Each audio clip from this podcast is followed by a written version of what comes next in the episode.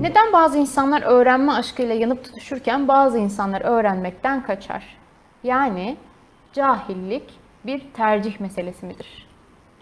Öyledir. Özellikle bu devirde benim en çok tepemi attıran şey, kendim de yapıyorum bazen bunu.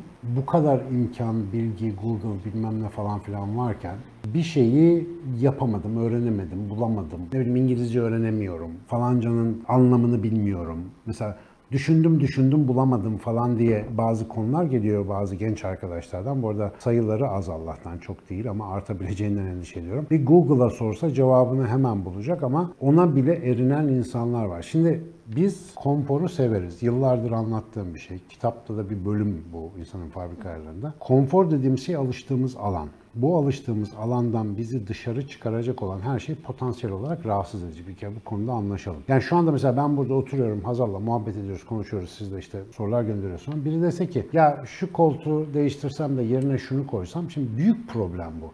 Halbuki gene aynı yerde oturacağım. Sadece başka bir koltuk yani. Bu gidecek yerine başkası gelecek. Tıpatıp aynısı olsa bile ya ne güzel oturuyorduk ne gerek var falan diye hemen bir itiraz yaparız. Ya da mesela sınıfta öğretmen ceza olarak okulda ne yapardı hatırlayın. İşte çok konuşalım kalk sen bakayım oraya geç. Bir başka yer değiştirmek bize ölüm gibi gelirdi. Mesela hocalar da bunu çok iyi kullanırdı yani. Senin yerini değiştirerek o konfor alanının dışına çıkarırdı seni. Şimdi bu konfor alanının dışına çıkma direnci bizim hayatımızda çok belirleyici. Hele ki bu devirde mesela ezberlerinizle, kanılarınızla, zanlarınızla, kültürel kodlarınızla gayet güzel yaşayıp gidebilirken internetten oradan buradan bir şey öğrendiğinizde bütün iş değişebiliyor. Yani benim başıma bu çok fazla geldi ama ben kendim kaşındım yani. Ben özellikle bazı böyle içsel rahatsızlıklarım nedeniyle çok değişik insanlara ulaştım. Çok farklı şeyler sordum internette ilk bulduğumda.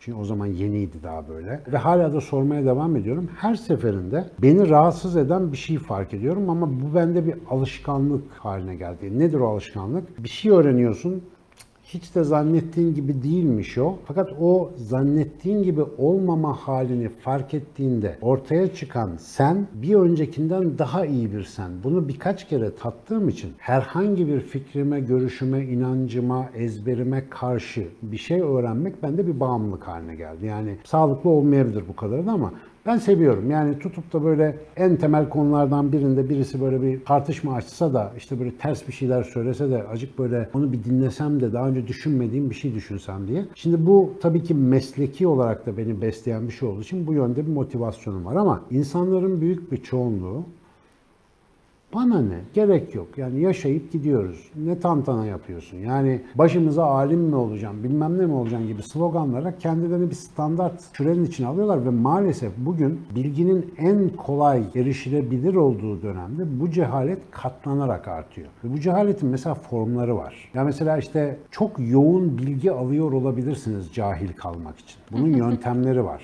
Ya mesela YouTube'da burayı izliyor olabilirsiniz. Bu bir yöntem. Ya da bazen pazar günleri yayınlanan bazı popüler videoları merakla bekliyor ve sadece o tip içerikleri tüketiyor olabilirsiniz. İsim vermeyelim. Şimdi bu tip böyle pazar günü içerikleri genellikle bizim önce can sonra canan anlaşılmasın. Çünkü o klasmana pek girmediğini düşünüyoruz inşallah bizim o videoların ama insanları herhangi bir şekilde bilgi vermeyen bir sürü iddia ile meşgul ederek soru işaretleri içerisinde bir şey öğreniyormuş sanrısı oluşturan oyalayıcılardan ibarettir aslında onlar. Ve maalesef etrafımız böyle içeriklerle çevrili. Bu içeriklere kim ilgi gösteriyor? Herkes. Niye ilgi gösteriyor? Çünkü mesela böyle bir meseleye oturup kafa yormak, burada biz bizeyiz yani yabancı olmadığı için rahat söylüyorum. Normal adam işi değil. Yani rahatsız olduğunuz için şu anda muhtemelen bu kanalı buldunuz ve seyrediyorsunuz. Diyorsunuz ki acaba öğreneceğim bir şey var mı? Dışarıdaki o vıcır vıcır içerikler beni çok kesmiyor, tatmin etmiyor. Ben daha değişik bir şey arıyorum diyenler işte ya burada ya buna benzer bir başka kanalda geziyorlardır. Ama o tarz içeriklerin görüntülenme, izlenme, tüketilme sayısındaki anormal miktarlara bakarsanız aslında ciddi bir umutsuzluğa kapılabilirsiniz. Çünkü içinde bulunduğumuz dönem seçimli cehaletin artık böyle nasıl diyelim altın çağı. Çünkü hiçbir şey düşünmemek için yeterince ipucuna ulaşabileceğiniz ve bunun adeta sınırsız derecede mevcut olduğu bir zamanda yaşıyoruz. Dolayısıyla bu devirde cehalet bilgiyle, veriyle desteklenecek bir şekilde seçilerek tahammüden korunabilecek bir meziyet haline geldi. Tırnak içinde meziyeti söylüyorum. Çünkü cehalet şöyle bir meziyettir. Sizi fikir değişikliğinden, daha farklı bakmaktan, kendinizi daha farklı bir benliğe dönüştürmekten men ederek sizi gayet güvenli ve bildiğiniz alanda tutar. İstediğiniz şeyle oyalanabilirsiniz. İstediğiniz içeriği tüketebilirsiniz. Görüşünüzde, inancınızda, hayata bakışınızda, yaşam biçiminizde zerre gram fark olmadan onlarca sene bu dünyadan geçebilirsiniz. Hiç problem yaşamazsınız. Öbür taraftan da diğerleri vardır. O diğerleri işte buradaki arkadaşlarım büyük oranda öyle gibi gözüküyorlar aldığımız demografik bilgilere göre. Bunlar rahatsızdır. Biraz sistemle, biraz kendileriyle kavgalıdır. Devamlı olarak daha yok mu, daha fazlası yok mu, ben bunu nereden biliyorum, daha derinle nasıl gidebilirim diye o bilginin peşinde koşan insanlar vardır. Bunlar zaten zaman içerisinde hayatları kendi istemleri dışında dönüşen, zihinleri başka başka modlarda çalışan ve zaman geçtikçe dönüp de eski günlere baktıklarında vay arkadaş ya dün neler yapıyormuşuz, neler diyormuşuz, şimdi şu hale bak deyip bunun iştiyakını daha fazla içinde hisseden insanlardır. Onların sayısı azdır. Ama zaten iyi ki de azdır. Yani herkes onlardan olsa dünya belki de çekilmezdi. Bilmiyorum. Sürekli tereddüt halinde böyle düşünen tipler. Bu biraz iş bölümü. Bugün o tarz konularda cehaleti tercih eden insanların önemli bir kısmı yarın bu cehaletlerini artık taşıyamayıp inşallah bir şeyler sormaya başlayacaklar, bir şeyler öğrenmek isteyecekler. Belki bugünün araştırıcıları da yarın bir gün konforlu bir cehaleti tercih edip aman dünyanın derdi bana mı kaldı diye bir köşeye çekilebilirler. Bunlar dönemsel işlerdir ama her zaman istatistiksel olarak söyleyecek olursak toplumların büyük çoğunluğu hele bunun gibi böyle biraz bir elimiz yağda bir elimiz balda olduğu bir çağda kusura bakmayın bu çağ öyle. Yani hemen demeyin ki ben asgari ücretle yaşıyorum. O da bir eli yağda bir balda olmak demek. Doğada yaşam tehlikesiyle savaşmadığımız medeniyetin güvenlik kolları içerisinde kendi hayat ailemizle uğraştığımız bir zamanda çoğunluğumuz rehaveti, cehaleti, konforu ve rahatı tercih edeceğiz. Kişisel olarak bu modlar değişebilir. Bazen işte gelişim alanına, bazen konfor alanına kaçabiliriz ama çoğunluğumuz her zaman bunlardan olacak. Şikayet etmek yerine bence kendimizle uğraşıp biz bu cehalet alanından daha çok nasıl çıkabiliriz? Devamlı olarak gelişim alanında nasıl kalabiliriz? Bunu nasıl bir yaşam tarzı yapabiliriz? O yönde düşünmeliyiz diye düşünüyorum. Biz de açık beyin olarak bütün yapmaya çalıştığımız şey bir bunun cesaretini vermek, iki bunun yolunu göstermeye çalışmak. Yani önce bak burada da deliler var, yalnız değilsiniz demek. Sonra da işte biz nasıl yapıyoruz, arkadaşlarımız nasıl yapıyor bunu anlatmaya çalışmak. Umuyoruz faydalı olur.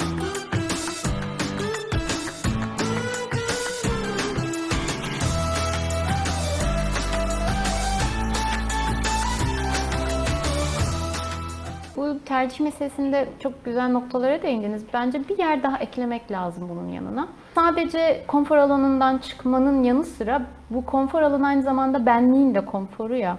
Eğer bir şeyi bilmediğimizi fark edersek, bildiğimiz şey bilmediğimiz şeyin bilgisine dönüşürse, yani hiçbir şey bilmediğimi bilirsem bu hayat çekilmez hale gelebilir. Aynen öyle. Aynı zamanda yetişmeye çalışacağım bir çağ demek. Yetişmeye çalışacağım bilgiler silsilesi demek. Öyle özellikle günümüzde şu anda bilgi o kadar kolay ulaşılabilir ve bilginin miktarı o kadar fazla ki hepsine ulaşma açlığı gelebilir. Burada denge korunamazsa büyük bir yetersizlik duygusu, yetişememe kaygısı, depresif ruh hali, anksiyete yükselmesi bunların hepsi yanında geleceği için aslında bazen bilinçli bir halde cehalet seçiliyor. Diyor ki ben bununla ego ben baş edemem diyor. Oysa sizin dediğiniz gibi bir denge bulabilmek Ben şey örneğini çok veriyorum ona. Bebek büyürken arada sırada ağlıyor. Ağlamasının sebebi büyüme ataklar halinde oluyor. Her Evet. gün lineer bir büyüme olmuyor. Bazen gün içinde birkaç kez, bazen günler boyunca birkaç kez. Kemikler mesela uzama ataklarına giriyorlar. Bu da bebekte ağrı yapıyor mesela bildiğimiz kadarıyla. Tam Bunun bu gibi yani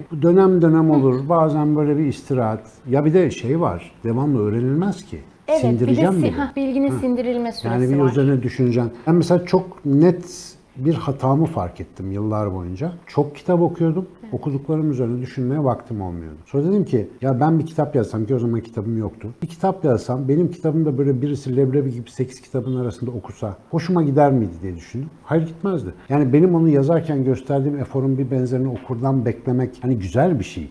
Yani insanlar senin metnine kafa yorsunlar ki senin anlattığından fazlasını anlayabilsinler. Senin kapasitenin üzerine çıksın o kitabın o kişiye verebileceği şeyler. Ben ondan sonra az sayıda kitabı iyi okuma politikası geliştirdim. O yüzden böyle 2-3 tane severek döne döne okuduğum kitabım Aslında var. bu da alacağınız bilgiyi nasıl alacağım, nasıl sindireceğim. Aslında şey bu yemeği yerken ne hızlı yiyeceğim, ne kadar süre vereceğim. Yemek yemek de çok benziyor. Hani Yani şimdi lıp lıp lıp lıp İşte bizim çocuğa- dolabı açıp tıkıştırmak gibi Şu mesela. anda an günümüzde yaptığımız. yaptığımız da biraz o ya. Sosyal medyada şu bilgiyi aldım, işte şurada bir bilmem ne sitesinde gördüm, o maddede bu bilgiyi aldım, bu bilgiyi aldım. Aynen bu da tık tık tık tık.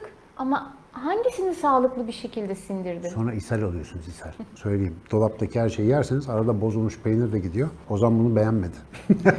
Ama gerçekten dikkatli olmak lazım. Böyle eke eke cehalet konusunda konuşunca yani biraz da kendimi tuhaf hissediyorum. Yani arkadaşlar ben birçok konuda cahil bir insan olduğuma eminim. Özellikle şundan dolayı cahilim. Biraz önce tanımladığım konu itibariyle bazı konulardan hakikaten kendimi uzak tutuyorum ve konularda bir şey öğrenmemeyi tercih ediyorum. Çünkü bana göre önemli değil o konular. Şimdi bu da benim kendi sıralamam. Ama iyi ki mesela herkes benim gibi bakmıyor. Yoksa mesela bu dünyada spordan anlayan kimse kalmazdı. Siyasetten anlayan kimse kalmazdı. Birileri de oralarda iyi olacak. Ama burada mesele mesela ben bir bilim insanı olduğum için, düşünceyle uğraştığım için oralara ağırlık veriyorum. Bir başkası bir spor insanı olduğu için o konuya giriyor. Bir başkası ekonomist oraya dalıyor. E iyi de yani hayatımızda bir şeylerde eğer bir sorumluluğumuz varsa o alan bizimle tanımlansın ve bizi tanımlasın istiyorsak o alanda biraz derinleşme gerekiyor. Ve birçoğumuz maalesef hayatımızda hiçbir şeyde derinleşmeye fırsat bulamayan bir organize cehalet içerisinde yuvarlanıp duruyoruz. Bu devrin problemi bu. Hep söyledim daha önce bakın sanat sanatçının, spor sporcunun, din ilahiyatçının, düşünme felsefecinin işiymiş gibi algılıyoruz. Öyle değil bu dünya. Bunların hepsi insanın işi. Hepsinin belli bir düzeyde bizde olması gerekiyor. Evet bir NBA sayı şampiyonu kadar basketbol oynamayın, spor yapmayın ama bir harekete ihtiyacınız olduğu gibi bir felsefecinin düşündüğü kadar olmasa da hayatımız üzerinde düşünme zorunluluğumuz var. Yani bunu yapmadığımız zaman ki bunu maalesef yapmıyoruz. Ondan sonra diyoruz ki bunlar niye basit bizim başımıza? Niye geliyor acaba? acaba niye geliyor? Sen hayatın dizginini tutmazsan biri senin yularını yakalar, oraya çeker, buraya çeker. Bizim zaten gördüğümüz şey bu. Bunu mesela en galiz bir şekilde aşı karşıtlığında mesela bu aralar görüyoruz. Ve ya aşı karşıtlığı da demeyelim ona. Ben buna daha ziyade aşı sünepeliği demek istiyorum. Bir genel böyle bir sünepece bir tavır var. Ne demek sünepe? Yani ne dediği de belli değil. Ne orada ne burada. Yani taraftan diyorsun ki ya kardeşim bilimsel veri yok bu konuda. Adam mesela bana diyor ki ben en azından bir akademisyenim yani tıp fakültesi öğretim üyesisin bilmem nesin. Orada normal hatta yazan arkadaşlardan bir tanesi şeydi. Otosanayi'de bir şeyi var. Bir işletmesi var yani bir araç servisi falan gibi bir şey. Diyor ki siz bilim adamlarına çok sorduk diyor. İşte diyor ne yaptığınız belli olduğu şey döneminde artık size güvenim yok. Kardeş aşı bu aşı. Kim yapıyor bu aşı? Kime güveneceğim başka? Kimden soracağım? Ortada gezen öyle bir malumat silsilesi var ki bu arkadaş da haklı. Çünkü sadece oraya bakıyor. Oraya bakınca dünyayı oradan ibaret zannediyor. Aşı dediğimiz meselenin bütün bilgileri, verileri okuma yazma bilen herkes için her yerde var. Yani sadece Sağlık Bakanlığı'nın resmi açıklamalarını kastetmiyorum. Girin işte biraz İngilizce bilen bir arkadaşınızı bulun eğer bilmiyorsanız. Girin dünyadaki bütün yayınlara falan hepsine ulaşabilirsiniz. Şu anda bir halk sağlığı sorunu olduğu için bu her yerde zaten yayınlanıyor. Hiç olmadı en yakın arkadaşınız Google acayip çeviri yapıyor. Gir sayfayı çevir, Türkçesini oku. Aşı hakkında bu ortada gezen hikayelerin hiçbirinin o sitelerde yazmadığını göreceksiniz. Fakat toplum sağlığını ilgilendiren aşı gibi bir meselede bile bu kadar nadanca görüş sahibi olduğunu düşünebilmek benim sağlığımı tehdit ettiği için artık zararlı sevgili arkadaşlar. Bu yani başkalarının canına kasta giriyor. Bilmem anlatabiliyor muyum? Cehaletin organize olduğu durum her zaman felaketle sonuçlanır. Bu da organize cehaletin bir örneği. Düz dünyacıları falan hiç şey yapmayalım. Hocam oraya girmeyeyim o sonraki sorum. Vallahi? Düz Vallahi mı? lütfen. Sorma düz Bugün. Gıcık almayacağım hocam Ha. ama listemde çünkü o soru. Hemen Neyse. sizi durdurdum. O gün vazgeçiririm ben seni. Gıcık oluyorum düz dünya olayı. Hocam yeni bir soruya geçelim çünkü sonra Ozan'dan azar yiyebiliriz yeterli soru sormadığımız için. Allah lamaze.